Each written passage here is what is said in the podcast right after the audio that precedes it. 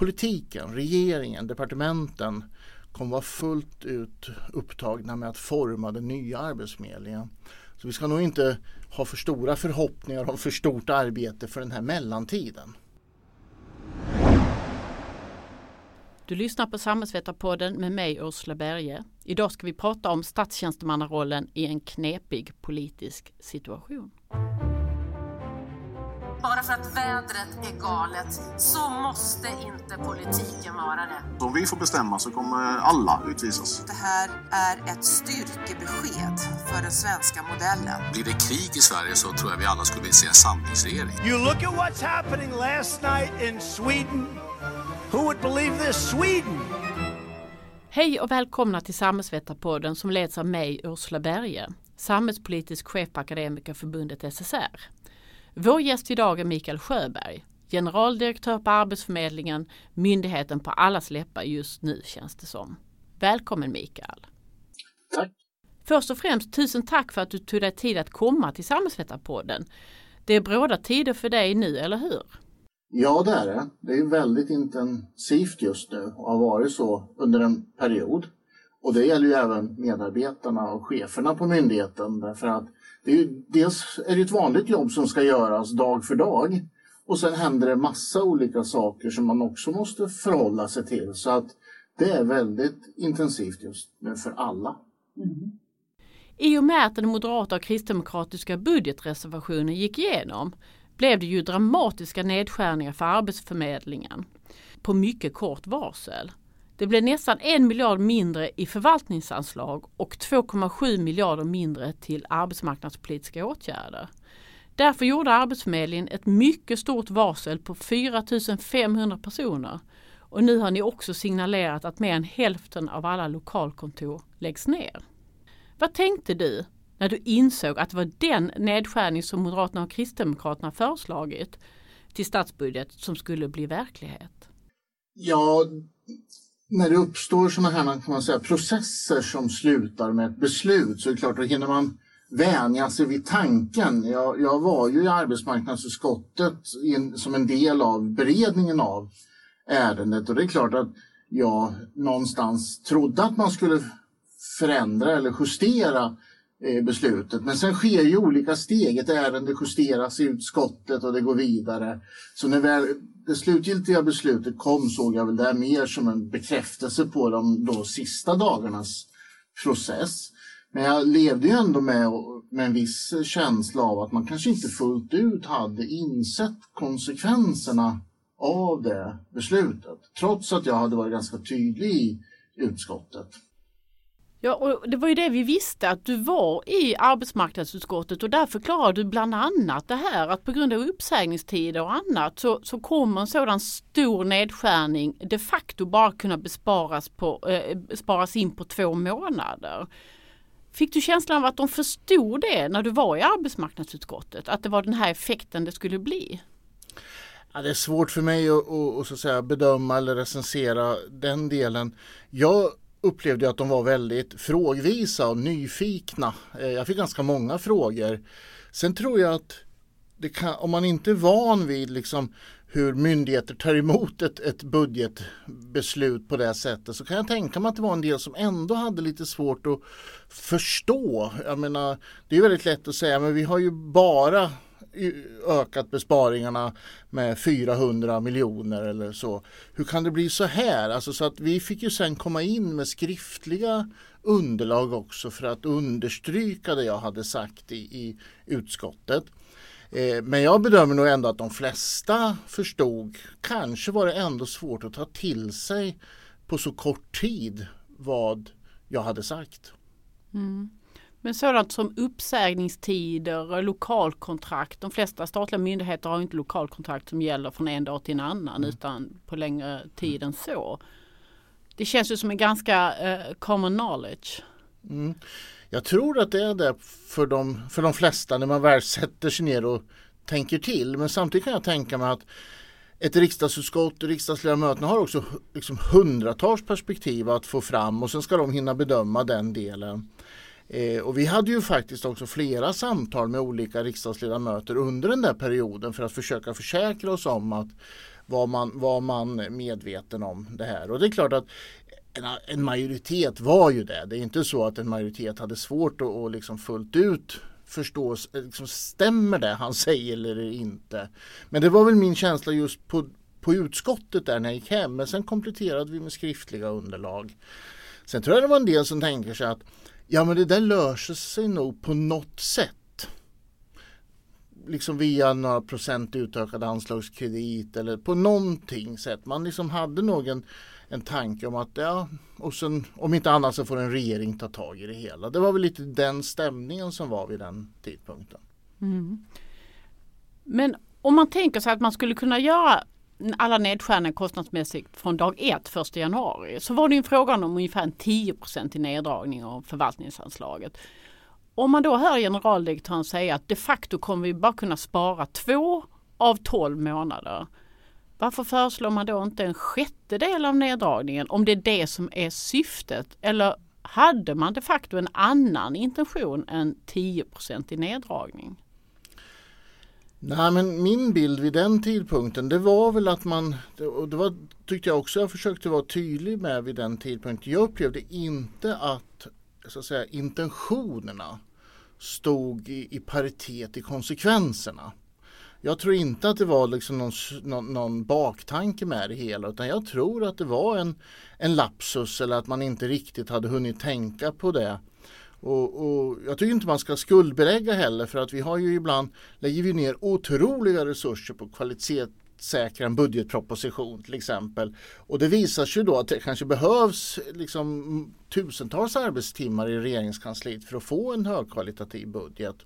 Men min bild var nog att man inte riktigt eh, såg eh, konsekvenserna av eh, budgetpropositionen. Då. Mm. Eller beslutet kanske man ska säga. Nu var ju hösten en väldigt turbulent tid med en övergångsregering och så vidare. Men tänker du så här i efterhand att jag borde kanske ha vetat att det skulle gå så här. Jag kanske borde ha varslat. Jag kanske borde ha sagt upp lokalkontrakt redan i höstas. Alltså ha den beredskapen. Då, då jobbar du ju på rykten och mer än på, på liksom fakta. Men tänker du ibland att du kanske skulle ha gjort något mer i höstas? Eh Nej, därför att vi fick ju indikationer eh, av regeringen i samband med då förra årets vårproposition att vårt anslag skulle gå ner med, vi brukar internt säga med mellan 400 och 500 miljoner. Och då bestämde vi oss för att, så att säga, minska kostymen med det antalet.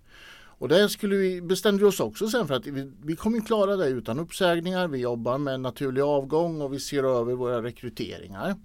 Så det var ju, vi var ganska stolta också. Vi såg att vi, självklart minskade antalet i både etablering och i bland de arbetslösa. Men vi var då egentligen ganska stolta över att vi skulle kunna snarare förbättra verksamheten trots att vi sparade in de pengarna.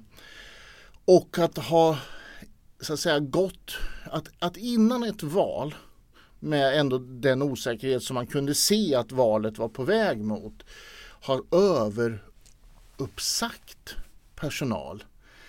Det, det, det, det, gör man bara inte och det skulle ha blivit ett ramaskri bland våra fackliga organisationer till exempel. Och jag tror helt enkelt att även sittande då regering i ett sådant läge hade tyckte att det var väldigt, väldigt överilat. Så det handlingsalternativet, eh, det ska jag vara ärlig och säga, det bedömdes inte. Men nu när du ställer frågan om jag tittar på det, jag skulle bedöma att det fanns inte tillgängligt. Det skulle ha blivit sånt ramaskri. Och det skulle ha dykt upp partier då som skulle säkert ha påstått att vi hade försökt påverka valet, att det var skrämselpropaganda eller att vi liksom överdrev situationen. Mm. Och det är därför viktigt. Jag tycker verkligen inte heller att myndighetschefer, att ämbetsmän ska föregå politiken så tydligt. Eh, det måste, alltså politiker måste känna att, att ämbetsmannakåren verkligen verkställer de politiskt fattade besluten. Går vi för konkret i förväg då påverkar vi ju kanske för mycket de politiskt kommande besluten. Mm. Eh, vi sitter ju nu med en, en situation där eh, Arbetsförmedlingen har gjort ett väldigt stort varsel på 4500 personer och, eh, och hälften eller mer av alla kontor läggs ner.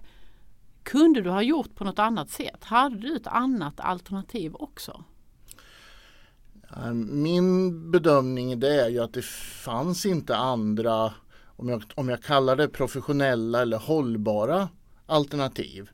Om man väger ihop ett antal olika faktorer så, så är det i så fall bara marginaljusteringar vi pratar om. Utan jag känner mig ganska trygg med att de här stora, ack så tunga besluten är välavvägda och genomtänkta.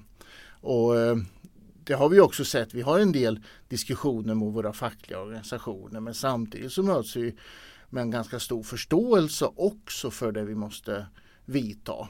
Vi har en del diskussioner internt om att vi går för snabbt fram eller att vi borde ha utrett någonting lite djupare. Men jag upplever inte att vi och de fackliga organisationerna är på, på så att säga, kollisionskurs med varandra. Mm. Ett anslag, vi har pratat nu om förvaltningsanslaget som är det som är, eh, det pratas mest om. Men det som heter programanslaget eh, skars ju ner ännu mer. Faktiskt tre gånger mer. 2,7 miljarder mindre fick ni eh, på det. Eh, och eh, det står i arbetsmarknadsutskottets betänkande att, att insatserna ska bli citat mer kostnadseffektiva. Och i januariöverenskommelsen står det att det ska bli samhällsekonomiskt rimliga volymer. Hur ska det här gå till? Ja, man, det, jag, det, jag tycker det där är två olika perspektiv. Det första att de ska vara kostnadseffektiva, det får man väl säga det är. Då, då menar man väl tolkar jag det som att de ska vara effektiva. Man ska få hög effektivitet för skattebetalarnas pengar. Det jobbar ju vi redan med. Det tycker jag är helt rimligt. Och jag tolkar myndighetsförordningen att vi ska hushålla med statens resurser väl är, är en, en ja, inriktning åt det hållet. Eh, så det tycker jag inte är konstigt. Eh, sen är det svårt på vårt område. Eh, jag tror att, att många av de här vad ska man säga, områdena som vetter, om, om man säger att vi är en del av den ekonomiska politiken så jobbar vi ändå idag med metoder och i en miljö som ibland påminner mycket om till exempel mer sociala insatser. Och där tycker jag att det kanske har forskats för lite. Det har varit för lite metodutveckling på effektivitetsgranskningar och så vidare. Så där finns det mer att göra. Ligger helt i linje med vad vi själva jobbar med. Det andra om samhälls ekonomiska perspektiv, det tycker jag mer är faktiskt för den politiska arenan. För då om du ska göra en samhällspolitisk bedömning, det tolkar jag som att du väger olika politikområden mot varandra. Och då blir det en politisk fråga. Man kan inte begära av oss, en enskild myndighet, att bland våra eh, insatser göra en samhällspolitisk bedömning alltid. Vi gör en arbetsmarknadspolitisk. Det där är intressant i många perspektiv för att många medborgare tänker sig att varje myndighet har ett totalansvar. Men vi har ju ofta ett sektorsansvar och sen är det faktiskt regeringen som har ett totalansvar i styrning och ledning av landet och sen granskar riksdagen regeringens arbete. Eh, vi, ska ju, vi är ju inte isolerade men, men eh, jag tolkar ändå den texten mer som en ambition för politiken själv. Mm. Om man läser arbetsmarknadsutskottets betänkande så kan man slås av att eh, vad det gäller till exempel det här med programanslaget så vill till exempel Liberalerna som ingår i januariöverenskommelsen de vill dra ner det här anslaget med 8,6 miljarder kronor. Det vill säga två tredjedelar av anslaget ska bort. Om du skulle få det uppdraget, vad skulle då försvinna? Ja, det är en väldigt radikal nedskärning så att jag, jag, kan inte svara sådär rakt upp och ner på det därför att då skulle, om jag fick det här och nu eller fick det beskedet här och nu, de första tankar som dyker upp är att ja, dels måste man ju lysa igenom hela den verksamheten och det här, nu pratar vi om våra verktyg kan man säga, våra aktiva verktyg. Det andra är givetvis att man omedelbart är tvungen att prata om med kommunerna. Därför att idag är det ju så att för många av de som är sökande, arbetssökande, så är ju ofta reguljär utbildning som är ett viktigt verktyg. Och då skulle vi omedelbart vara tvungna att prata med kommunerna. Hur ser de på det här? Vad skulle de kunna växla upp? Finns det ett intresse för dem att växla upp? Skulle de kunna ta över vissa grupper från oss? Så det skulle givetvis sätta, sätta igång en väldigt stor aktivitet hos oss och i, i kommunsektorn. Mm. Jag tänkte vi skulle gå in på något som du har touchat och det är det här med statstjänstemannarollen. Och det är det här, å ena sidan som GD är det din uppgift att göra det som står i regleringsbrevet och det pengar du har fått i statsbudgeten. Och, och det ska göras i enlighet med lagar och annat regelverk såklart. Eh, skulle du kunnat gjort på något annat sätt än så du har gjort idag om man tänker på den här eh, rollfördelningen mellan politiken å ena sidan och statstjänstemannen å andra sidan? Jag hoppas givetvis att jag har hittat en balans och jag känner mig ganska trygg i det. Jag känner ingen osäkerhet i de, de eh, beslut eller i de ställningstaganden jag har gjort. Då är det återigen på marginalen inom regelverket man kan fundera, skulle man ha gjort på något annat sätt i någon annan tidsordning? Jag tycker väl att en del när man är myndighetschef handlar väldigt mycket om att ständigt, liksom, det är ju träning på jobbet att hela tiden vårda den här rollen som, som statstjänstemannarollen innebär. Så jag känner väl att i de här frågorna, och man, man ska ju ändå vara ödmjuk i sådana här situationer, men jag känner mig relativt trygg och jag tror inte, jag har i alla fall inte hittat någonting där jag känner i efterhand så här att ass, det där skulle man kanske ha gjort på något annat sätt. Jag tycker jag har balanserat det som krävs av mig på, på så klokt sätt jag förmår. Mm. Och som general, generaldirektör har man ju ett väldigt långtgående självständigt uppdrag. Vi har till och med ett begrepp som heter ministerstyre som är ungefär det värsta man kan göra som statsråd, det vill säga vara inne och detaljstyra i en myndighet, kanske till och med på individnivå och så vidare. Och det är ju absolut no-no liksom i den svenska förvaltningskulturen. Men eh, om man upplever att politiska krav är oförenliga med den budget och det regleringsbrev man har, vad ska man göra då? Ja, då beror det på om de här politiska kraven kommer muntligt eller via beslut. Det händer ju till och med, kanske inte så mycket i regeringen, men jag tror att en del tjänstemän runt omkring i vår verksamhet, inte minst i kommunerna, kan uppleva att de har oförenliga politiska beslut.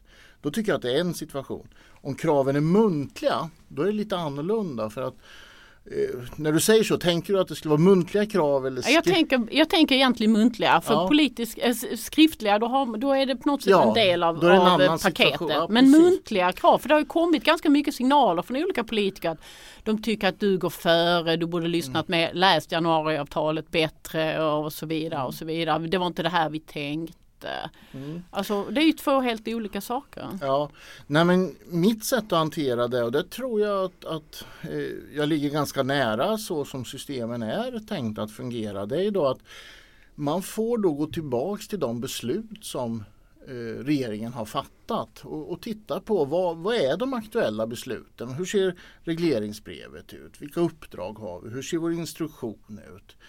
Och sen får man ju då så, så ödmjuk som möjligt tala om att just de där delarna, ja jag hör vad du säger men vi kommer att följa de beslut som regeringen har tagit. Och utan att nu påstå att det här handlar om Arbetsförmedlingen här och nu så tror jag att många av oss myndighetschefer också hela tiden funderar på att om man går mycket på eh, så att säga, muntlig styrning så måste man hela tiden värdera att, att det är ju regeringen som ett kollektiv som styr riket och därmed myndigheterna. Och det tror jag många myndighetschefer känner att det är också så att säga en, en viktig del för hela regeringen så att vi inte får en situation där man styr disparat, där, man, där olika departement eller olika ministrar styr eh, på egen hand. Det är ju regeringen som har helhetsansvaret.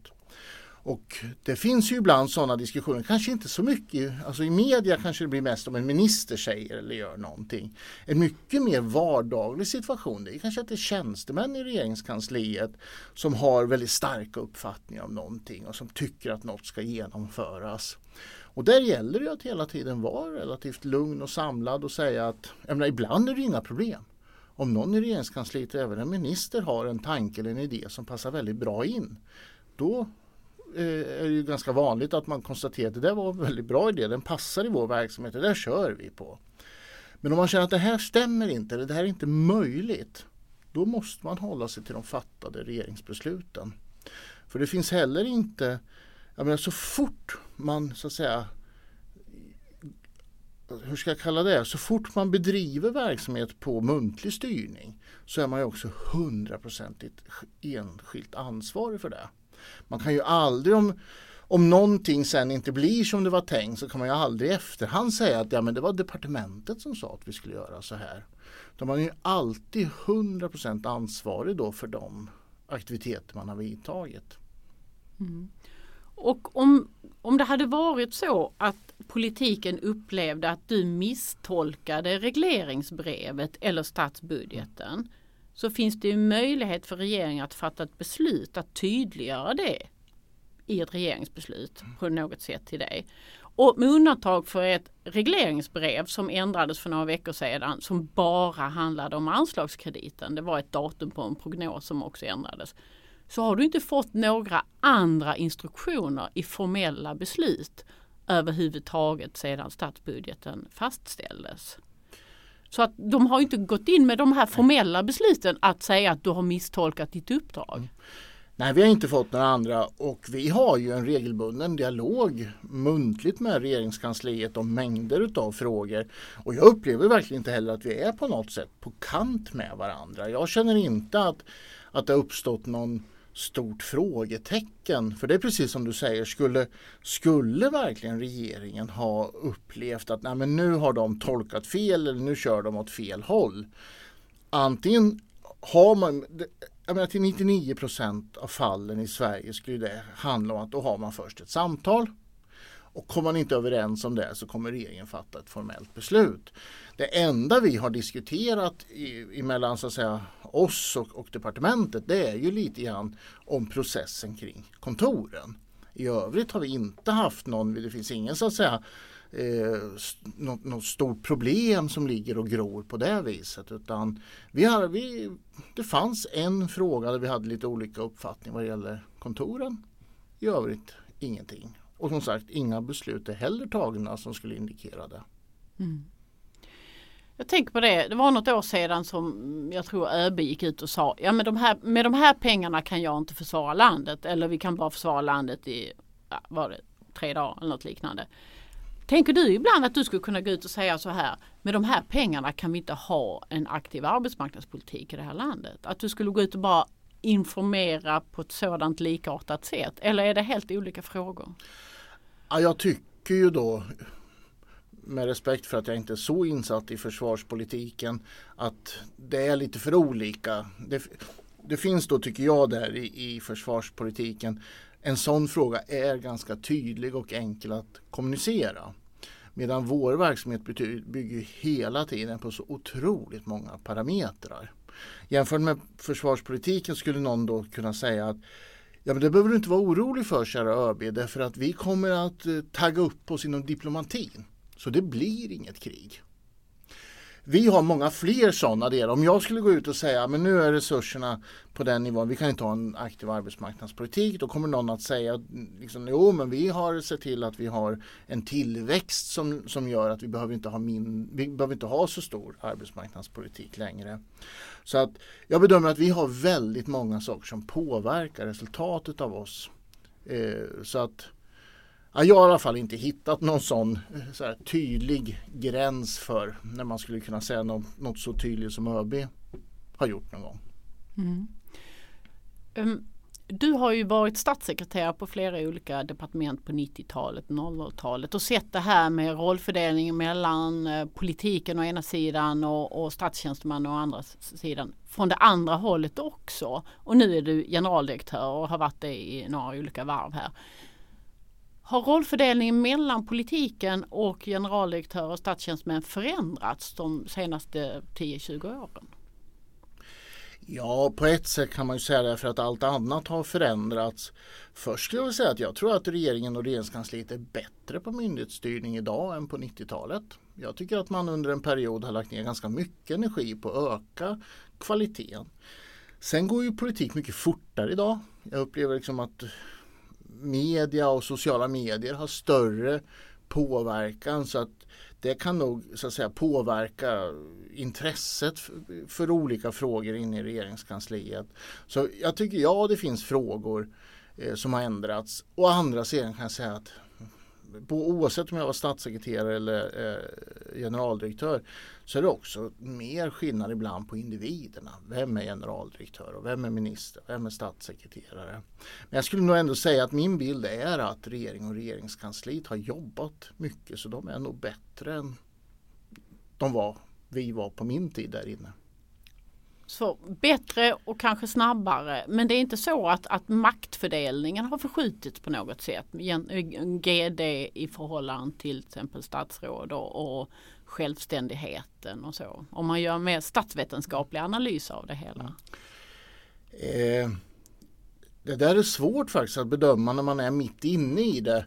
Det kanske är så att när jag väl har slutat eh, och får någon, liksom en en tid för reflektion när man någon gång måste man ändå sluta vara generaldirektör. Eh, då kanske jag ser på det på ett annat sätt men jag är inte så jag, menar, jag tycker jag såg väldigt olika tradition mellan olika departement under den tiden jag var i regeringskansliet och det är nog min bild när jag pratar med kollegor att bara vilket departement en myndighet tillhör gör att, att de här frågorna hanteras ganska olika. Sen upplever jag att alltså om vi går in på det rena ministerstyret där som faktiskt är, om man uttrycker sig i princip förbjudet eller som är förbjudet. Där är man väldigt nogsam. Jag upplever att ministrarna tar en, en skyddszon för att inte gå in i de frågorna. Och ibland har ju regeringen mer långtgående möjligheter att styra myndigheterna än vad, vad man kanske tänker sig. För en del tänker sig att ministerstyre, de får inte lägga sig i någonting. Men en regering har långtgående möjligheter att styra myndigheterna och därför är det ju inte så konstigt att en minister kan ha synpunkter på vissa delar. Men då blir det här så att säga, diskussionen där faktiskt en myndighetschef också då kan säga att ja men det där, jag förstår det och det är helt okej okay om det kommer ett regeringsbeslut men fram till dess så tänker jag gå på de här eh, tidigare fattade besluten.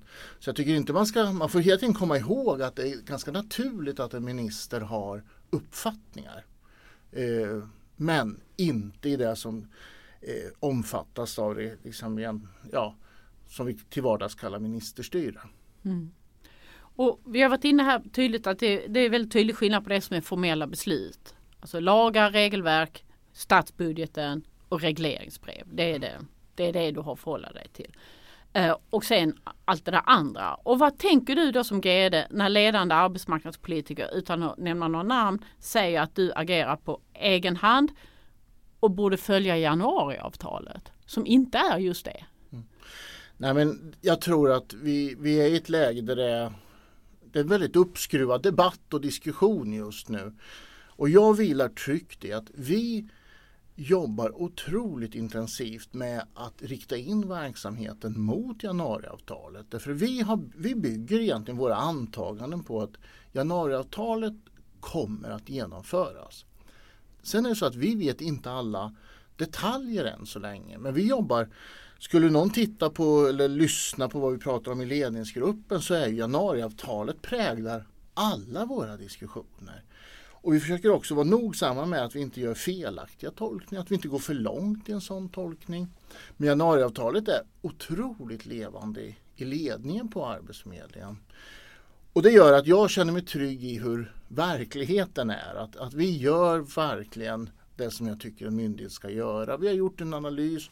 Är det här ett dokument som har betydelse? Ja, har vi svarat baserat på att en regering, eller vår regering som vi har, har tillträtt med det avtalet som stöd. Då utgår vi från att regeringen kommer genomföra det. Och då har vi börjat att, så att säga, använda det som riktpunkt. Mm. Eh, alldeles nyligen har vårändringsbudgeten kommit och eh, det har ju varit ganska mycket kritik mot, eller väldigt mycket kritik från olika håll att moderata kristdemokratiska budgeten det blev inte som det var tänkt, det borde bli på ett annat sätt. Och då kan jag som utomstående betraktare eh, tycka att det är lite underligt att man inte väljer att ändra det i vårändringsbudgeten när man då har chansen. Alltså de fyra eh, partierna som står bakom januariöverenskommelsen företräder 48 procent i riksdagen men med Vänsterpartiet skulle de förmodligen få igenom ökade anslag till Arbetsförmedlingen.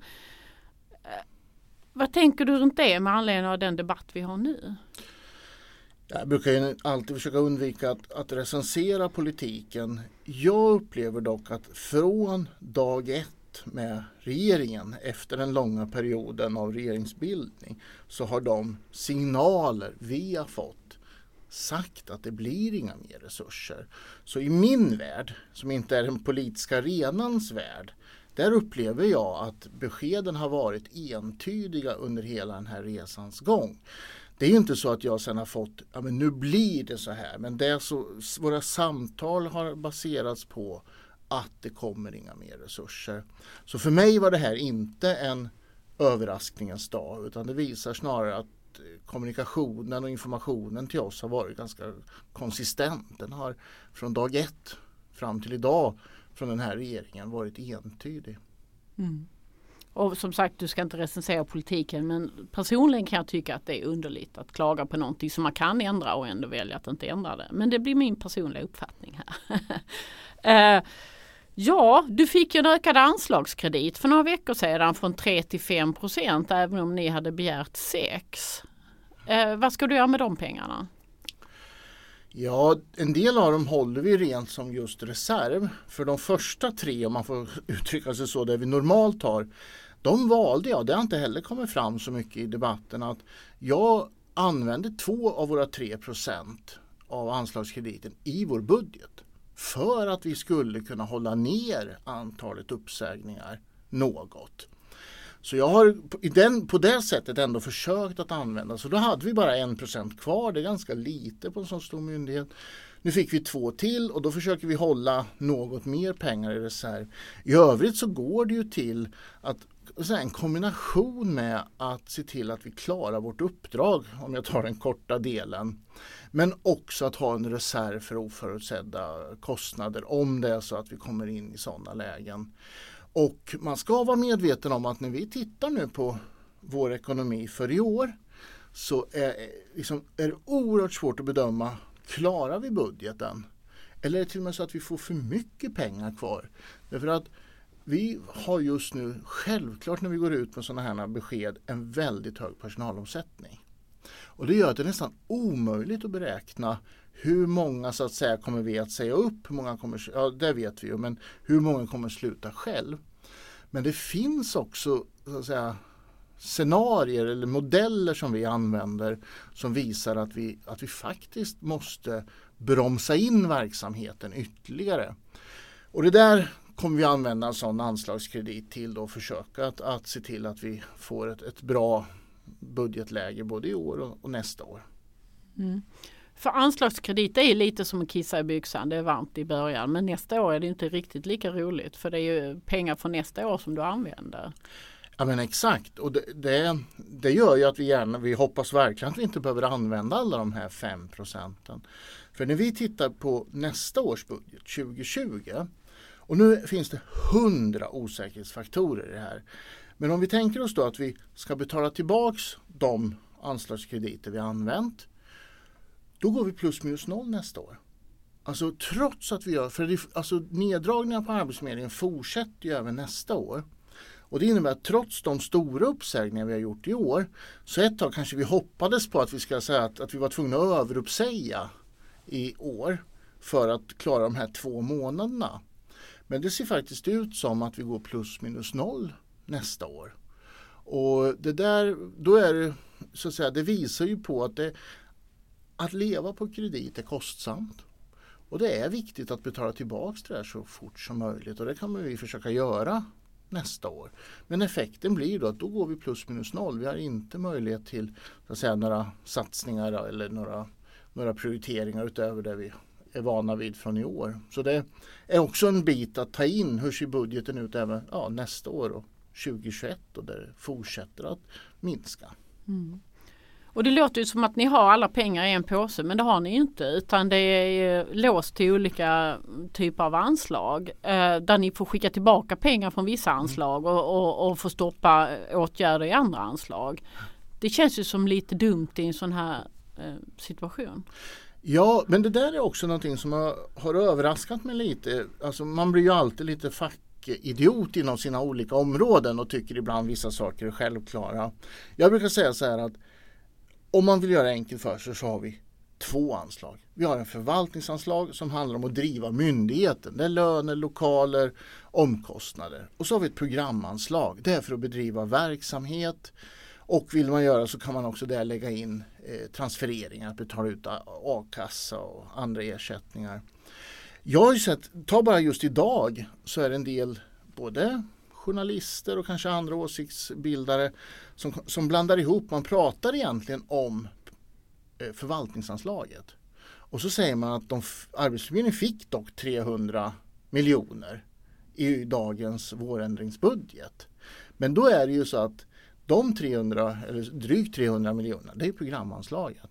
Så inte ens den här första uppdelningen blir tydlig för medborgarna. Eh, och sen har vi ju då mängder av uppdelningar inom programanslaget också.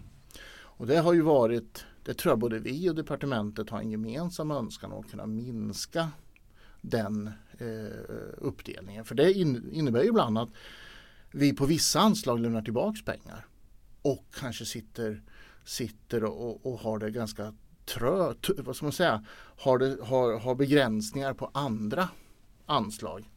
Och då blir det ofta så att den mediala bilden blir just på att vi lämnar tillbaks pengar. Men vi har alltså då inte haft möjlighet att föra över dem till andra anslag. Mm. Men kommer ni att få ett möjlighet att göra det? Om du får gissa. Alltså jag, jag tror att mycket frågor stå, ställs på sin ände just nu. Det är en stor förändring vi ska genomgå. Jag är inte så säker på att det blir... Jag tror så här, politiken, regeringen, departementen kommer vara fullt, och, fullt ut upptagna med att forma den nya Arbetsförmedlingen. Så vi ska nog inte ha för stora förhoppningar om för stort arbete för den här mellantiden. Mm. Och jag skulle nog själv, om jag fick frågan av dem, säga att det är nog bättre att prioritera så mycket tid som möjligt på den nya Arbetsförmedlingen. Vi får försöka hantera de här två åren vi har framför oss ändå. Och så får vi hoppas att det finns en viss smidighet i regeringskansliet att, att, då, att de fattar de här besluten om eh, överföringar mellan anslag. Mm. För oss lite utomstående framstår just den här mellantiden som ganska vag. Alltså det är svårt att veta. Alltså vi vet att 132 kontor försvinner. Vi har en arbetsmarknadsminister som säger att eh, eh, man inte ska lägga ner lokalkontor innan man har säkrat ett bra alternativ i alla regioner. Eh, finns det ett bra alternativ i alla regioner i närtid? Ja, det tycker jag. Arbetsförmedlingen finns. Eh, det innebär ju inte alltid att vi kommer ha ett eget kontor i varje kommun. Men vi kommer finnas i alla regioner. Vi kommer också finnas i alla kommuner. Eh, dels kommer vi ju samverka med kommunerna. Eh, vi har ju också en verksamhetsidé som säger att allt fler måste träffa oss via digitala tjänster. Och det där måste det är lite viktigt för att dels det, har, har, vi så stora neddragningar så att det måste föras över en del till de här digitala kanalerna. Dessutom vill väldigt många utav våra arbetssökande träffa oss på det sättet. Man är ju van vid banken eller när man köper biljetter. Alltså, man, när man kanske har vabbat att mycket går att sköta. Så att vi har en efterfrågan på de här tjänsterna.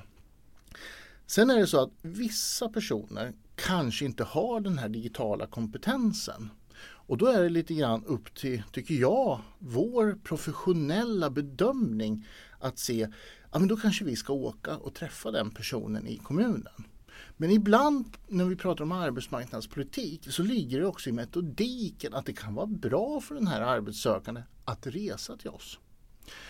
Och det där kan ju låta lite konstigt om man inte är van vid arbetsmarknadspolitik. Men en del av vårt jobb är just att aktivera de arbetssökande. De ska vara vana att söka jobb i andra kommuner i andra delar av landet. Så bara det att vi i viss mån med milt tvång då tvingar arbetssökande ibland att resa mellan kommuner. Det kan vara nyttigt för arbetsmarknadspolitiken. Men ibland kan det vara att det är för långt. Mm. Eller att vi vet att en person har speciella omständigheter.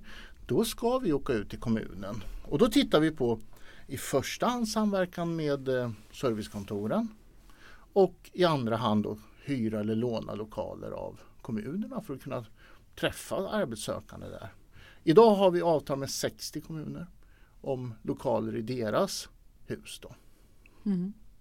Samtidigt om ni det är väl ungefär i 70 kommun, kommuner ni kommer att finnas framöver om de här kontoren som ni har sagt ska läggas ner läggs ner.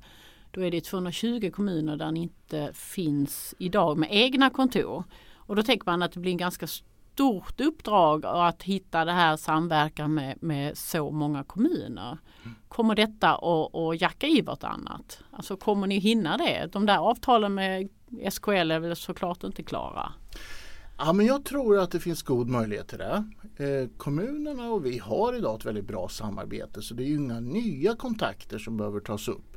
Utan det är ju mer att stämma av med varandra. Hur ser förväntansbilden ut? Och det är jätteviktigt att komma ihåg den största påverkan på samarbetet med kommunerna det är våra, att antalet medarbetare minskar och att våra programanslag sjunker.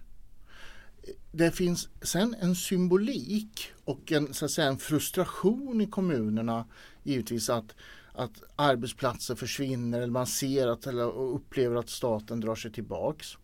Men det är viktigt att komma ihåg att vi får betydligt färre eh, anställda medarbetare. Och jag reser ju en hel del i landet och jag träffar både medarbetare och, och kommunalråd och tjänstemän i kommunerna. Och det är inte helt, alltså väldigt många vittnar om ett mycket, mycket bättre samarbete idag än bara för några år sedan. Men så dyker det ibland upp givetvis en och annan kritiskt kommunalråd. Den vanligaste kritiken, då låter den ungefär så här. Ja, egentligen är vi ju väldigt nöjda med Arbetsförmedlingen här hos oss, men vi vill ha mer service. De vill egentligen alltså ha mer timmar av oss. Och det räcker inte våra resurser till idag. Och det kommer ju bli mer sådana diskussioner imorgon. Därför att vi har så pass mycket mindre medarbetare. Så jag, där gäller det att hålla isär den mer, tycker jag, då, symboliska frågan kontor med att vi kommer vara betydligt färre och våra medarbetare kommer ha betydligt mindre resurser att jobba med i och med att programanslagen minskar. Det finns ju en risk att frustrationen kring att vi blir färre och att vi har mindre anslag kommer att, så att säga, kanaliseras via kontoren. Men jag tror att det här går att, att lappa och få, få till. Vi har en bra dialog med kommunerna. Vi har en bra dialog med SKL till exempel. Om man eh, läser januariöverenskommelsen så är det ju ganska tydligt där att det finns den här intentionen att allt ska läggas ut inom ramen för det som heter LOV, lagen om valfrihetssystem. Och då talar man om fristående aktörer. Eh, kan kommunerna bli de här fristående aktörerna? Ja, jag hoppas att man tittar på den frågan. Ehm, jag vet att SKL och många kommuner är intresserade av det. Och här får ju till slut regeringen göra en bedömning. Hur vill man säkra de områden som kanske inte får några fristående aktörer? Och där finns det ju för och nackdelar med att titta på kommunerna eller någon annan aktör. Eh, kommunerna finns ju alltid i kommunen, det, så mycket vet vi ju.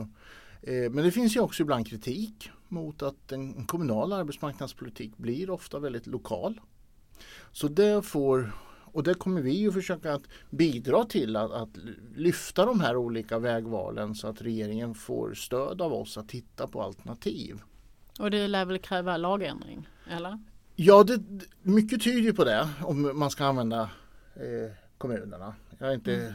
eh, jag är inte hundra på hur regelverket ser ut i och för sig men vi har en sån dialog både med SKL och kommer att ha det med regeringskansliet också här framöver. Mm. För precis som du säger, kommuner finns ju i alla kommuner av lätt insedda skäl. Men eh, jag roade mig med att gå igenom eh, den lovade tjänst ni har som heter stöd och matchning. Det är ju extremt liksom, ojämnt fördelat med leverantörer av sådana här eh, tjänster i, i landet. Man kan säga att det är väldigt hett i Stockholm, Göteborg, Malmö. Väldigt glest eh, utanför universitets och, och, och liksom residensstäder och så vidare. Och Norrlands inland är nästan tomt. Hur ska man säkerställa en bra service i hela landet om, om det ska vara de här fristående aktörerna likt stomleverantörerna, stöd och matchning som, som det kommer att bli? Mm. Ja men det, här får man ju titta på man säger, de vanligaste tankemodeller som finns. Då har vi just eh, kommuner, man kan ju tänka sig även ja, att vi får ett sådant uppdrag i framtiden. Men sen tänker jag också så här att man ska ju inte göra problem större än vad de är. Och jag är en person som inte brukar gilla att man tar allt för mycket exempel från Australien. Därför att jag bedömer att Australien har en helt annan kultur, helt annan lagstiftning, har till exempel inte EUs upphandlingsdirektiv. Men de sägs, jag har varit där, jag kan inte redogöra för alla detaljer, men det är också ett land som är verkligen glest befolkat. Hur har de löst det här då? Så att man får ju också innan, man, innan vi gör det allt för komplicerat titta lite grann. Har kollegor runt om i världen hittat modeller som går med EUs och svenskt regelverk översätta hit? Annars blir det här en viktig fråga. Det får regeringen och samarbetspartierna givetvis lösa och vi kommer bidra med vår expert kunskap på det. Men om man inte tänker igenom det här då blir det här eh, väl utbyggt i de större regioner, större städerna, befolkningscentra och betydligt mindre i, i glesbygd. Så det måste man ha med redan från början och det utgår jag ifrån att regeringen och samarbetspartierna har. Och då tänker jag att det behövs ganska mycket tankarbete också på din myndighet vad det gäller hur man gör en vettig sån här upphandling, hur man gör vettiga ersättningsmodeller som inte leder till det som brukar kallas gräddskumning eller eh, parking, det vill säga ineffektiva eh, incitamentstrukturer och ett, ett bra kontrollsystem. Och då ska ni bygga ut allt det här. För allt ska ju lovas får man intrycket av i januariöverenskommelsen. Då ska ni göra detta och bygga ut detta i den budgetsituation som ni befinner er i nu. Fixar ni det? Ja, men det, är en, det är en stor utmaning och det är därför vi måste göra väldigt mycket redan nu. Eh, ibland säger man ju att vi går lite för fort fram med kontoren eller att vi tar i för mycket med uppsägningarna. Men alla som har jobbat med organisationsfrågor eller eh, organisationsfrågor i ett annat perspektiv vet att det är väldigt kort om tid till det här ska vara uppe och fungera. Och det innebär att vi måste snabbt, alltså jag jobbar vecka för vecka för att nå vissa saker för att vi ska få ut, jag menar väldigt snart ska vi vara i den där situationen som du beskriver. Och du pekar på flera väldigt viktiga pusselbitar som måste vara på plats. Och vi är redan igång med det. Eh, vi utgår från att vi kommer få ett uppdrag att ta fram en ersättningsmodell. Hur ska vi betala de här? Det har vi redan så att säga börjat förbereda så att vi så, så fort vi får det uppdraget så går vi igång. Och så jobbar vi nu. Vi har alltså, vi är snart är vi väl startklara på alla områden. Sen kan ju politiken komma på något område som inte vi har sett men vi har sagt så här att man ska nästan tänka sig att vi skulle, om vi skulle vara en bilfabrik så har vi lagt alla motordelar, alla karossdelar, alla inredningsdetaljer i perfekt ordning. Så att så fort regeringen sätter igång, ger oss ett uppdrag då kan vi bygga ihop den här och köra iväg så fort som möjligt. Så det är väldigt mycket det arbetet internt går ut på. Snabbt komma i ny kostym och just nu bär vi fram olika delar för att så fort vi får en signal då kan vi starta det här. För det är jättekort om tid. Mm. Eh, förväntar du dig det uppdraget i närtid? Ja, något sånär i närtid i alla fall. Eh, alltså, jag vet inte om man törs skämta om sånt, men regeringen och tidplaner är ju alltid lite skakigt om det inte är de här stora processerna som budget och en del annat. Eh, men jag räknar med att den kommer. De är, det, det jobbas ju i regeringskansliet med det. Sen om den kommer exakt vilken vecka, det får vi väl se. Men, eh, Då siktar vi på torsdagen efter påsk. Ja, det kan man väl säga som den, den tidigaste, kanske något senare. du, jag träffar människor som kan jättemycket om politik som tycker att, att Arbetsförmedlingen fungerar så dåligt för ni förmedlar inga jobb. Och då försöker jag ibland förklara för dem. Men Arbetsförmedlingens uppdrag är ju i huvudsak att stödja och rusta människor som står långt ifrån arbetsmarknaden. Känner du ibland att ert namn är ett problem för er? Ja, det har jag kommit att göra. Jag är en person som ofta försöker undvika att hålla på med symbolfrågor. Alltså namn på myndigheten eller sådana saker. Men jag har kommit till insikt att namnet förleder tanken fel. Och det där skapar en hel del utmaningar för oss. Och utöver din beskrivning att vi ska rusta så är ju vår metod och vår ambition det är att egentligen nästan ingen ska ju ha fått ett jobb av oss. Utan vi ska ju stärka en individ så att den hittar ett jobb av sig själv. Menar, vi vill, vi, det är väldigt få personer som vi vill så att säga räcka över ett jobb, kanske ringa arbetsgivaren eller tipsa den här personen, det här jobbet ska du söka. Utan våra metoder bygger ofta på att stärka människor så att de gör det här själv. Därför att annars kommer om de blir arbetslösa igen då är de kanske tillbaks på noll nästan. Så det finns flera delar i en sån här verksamhet som, som inte riktigt stämmer överens med ja, medborgarnas uppfattning och namnet spär på en, så att säga, en, en liten skev bild av vårt arbete. Mm. Arbetsmarknadsutredningen föreslog namnet Arbetsmarknadsmyndigheten. Det var lite långt men är det bättre? Ja det vet jag inte. Jag, jag, jag brukar säga, det där håller jag helt öppet. Vi, vi har så många kreativa medarbetare på Arbetsförmedlingen så jag kastade ut en, en fråga på LinkedIn vad de tyckte. Så där är en stor diskussion. Eh, och det är inte det viktiga för mig. Jag, kan, jag har väldigt svårt att engagera mig i den där typen av frågor. Jag bara konstaterar att låt oss i den här processen passa på att ge oss ett nytt namn. Det, det är en liten, liten fråga i det stora. Men varför inte passa på nu? Mm. Tusen tack Mikael. Ja, tack själv. Det var allt från Samhällsvetarpodden den här veckan. Samhällsvetarpodden görs varannan vecka och fångar upp stora samhällspolitiska frågor, helst med facklig twist. Samhällsvetarspodden görs av Akademikerförbundet SSR, Sveriges ledande samhällsvetarförbund.